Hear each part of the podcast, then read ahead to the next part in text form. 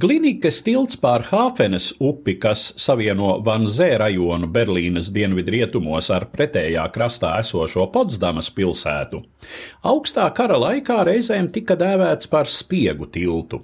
Te bija robeža starp padomju blokā ietilpstošo Vācijas Demokrātisko republiku un rietumu sabiedroto kontrolēto Rietumberlīni, un uz tilta vairāk kārt notika savstarpēja notverto spiegu apmaiņa. Pirmoreiz 1962. gada 10. februārī, kad padomju puse izdeva virs Padomju Savienības notriektās amerikāņu izlūklidmašīnas pilotu Francisu Geriju Pauersu, savukārt amerikāņi atmaskoto padomju spiegu Rudolfu Ābelu, īstajā vārdā Viljamu Fišeru kas attiecas uz lidotāja Powersa krišanu padomju gūstā. Pats pilots pie tās nekādā ziņā nebija vainojams. Powers liktenīgā lidojuma brīdī jau nepilnus desmit gadus bija kara lidotājs, no tiem pēdējos četrus Savienoto valstu centrālās izlūkošanas pārvaldes dienestā. Šeit viņš bija apmācīts lidošanai ar izlūklidmašīnu Lockheed U-2, 1955. gadā ražošanā ieviestu lidaparātu aparātu, kas spēja pacelties vairāk nekā 20 km augstumā. Šāds augstums tobrīd nebija sasniedzams nevienam padomju iznīcinātājam, un, kā domāja amerikāņu eksperti, arī nevienai raķetei. Tāpēc 1958. gadā prezidenta Dvaita Eizenhauera tiešā pāraudzībā tika uzsākta izlūkošanas programma, sūtot jūtu lidojumos padomju gaisa telpā. Tā no 1960. gada 1. maijā Pauersa pilotētais U2 sekmīgi safotografēja kosmodromus Baikonūrā un Pļiseckā ar tur esošajām starpkontinentālo balistisko raķešu palaišanas iekārtām, plutonija ražotni Ozjorskā, Čeļabinskas apgabalā, bet drīz pēc tam tika notriekts ar zenītraķeti S-75 Dvinā.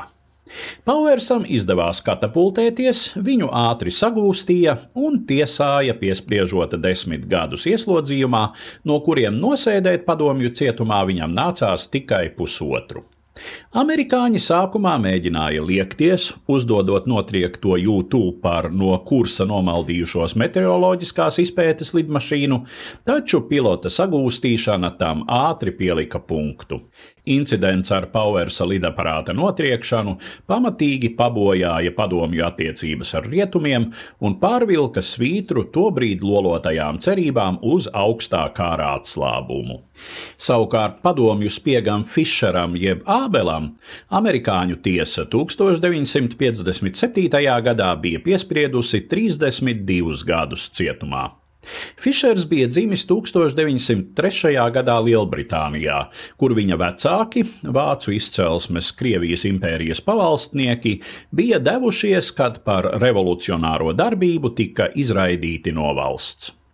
Ģimenē valdīja marksistisks gars, un 1920. gadā, kad Krievijā bija uzvarējuši bolševiki, Fišeri atgriezās dzimtenē.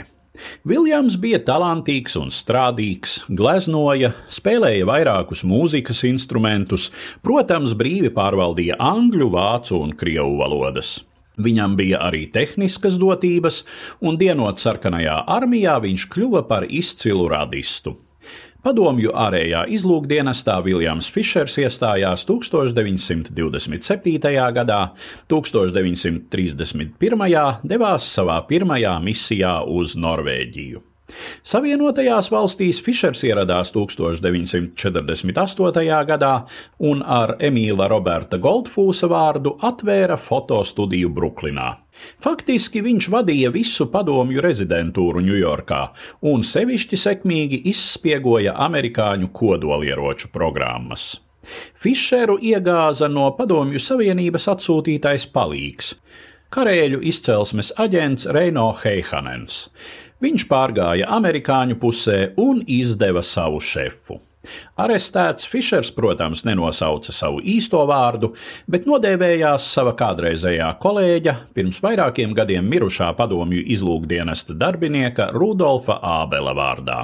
Šo pseidonīmu viņš paturēja arī pēc atgriešanās Padomju Savienībā. stāstīja Eduards Liniņš.